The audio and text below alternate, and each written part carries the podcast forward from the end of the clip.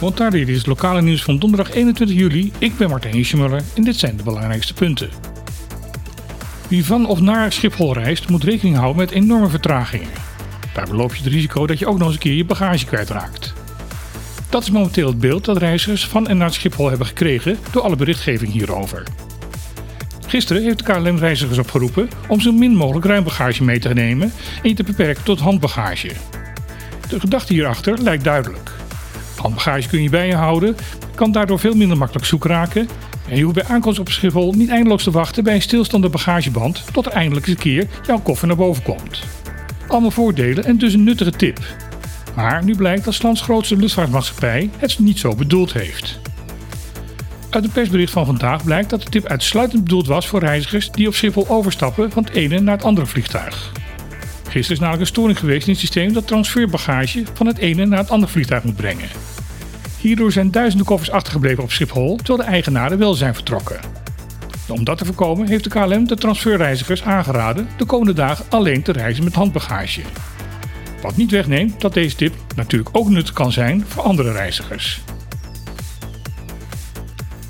Ook in het tweede kwartaal van dit jaar is de inflatie op Bonaire weer verder opgelopen. Ten opzichte van het eerste kwart van dit jaar is de stijging 1,2%. Ten opzichte van het tweede kwartaal van vorig jaar is de stijging zelfs 9,4%. De stijging is vooral veroorzaakt door de verhoging van de brandstofprijzen. Hierdoor zijn de transportkosten ook sterk hoger geworden. Deze verhoging werkt weer door in de vliegtuigtarieven en is daarmee ook weer merkbaar in de levensmiddelen. Opvallend in dit geheel is de stijging van de prijs van eieren. Ten opzichte van de eerste drie maanden van dit jaar zijn ze met 16,3% duurder geworden. Volgens de eierproducenten op het eiland komt dit doordat het voer van kippen enorm in prijs is gestegen. Het vliegveld van Bonaire heeft niet altijd op de huidige plek gelegen. De eerste landingsbaan lag ter hoogte van het gebied Subiblanco langs de weg tussen Kralendijk en Rincon. Dit vliegveld was primair bedoeld voor de vliegtuigen van de Amerikaanse militairen die op Bonaire waren gelegerd. Voor burgerluchtvaart bleek de locatie minder geschikt, waardoor het vliegveld al vrij snel verplaatst is naar de huidige locatie. Sindsdien is het gebied rondom de oude airstrip in verval geraakt. Daar wil het OLB wat aan gaan doen. Het gebied gaat nu opgeknapt worden en een aantal zaken die met luchtvaart te maken hebben, zoals de oude verkeerstoren, zullen daar tentoongesteld worden.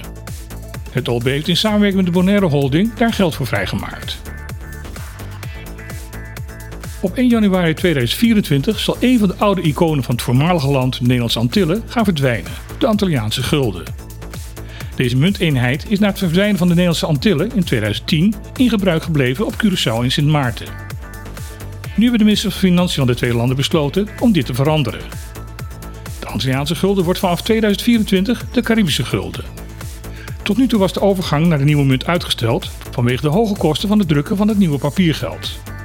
Nu zijn de ministers van overtuigd dat het niet langer meer kan worden uitgesteld.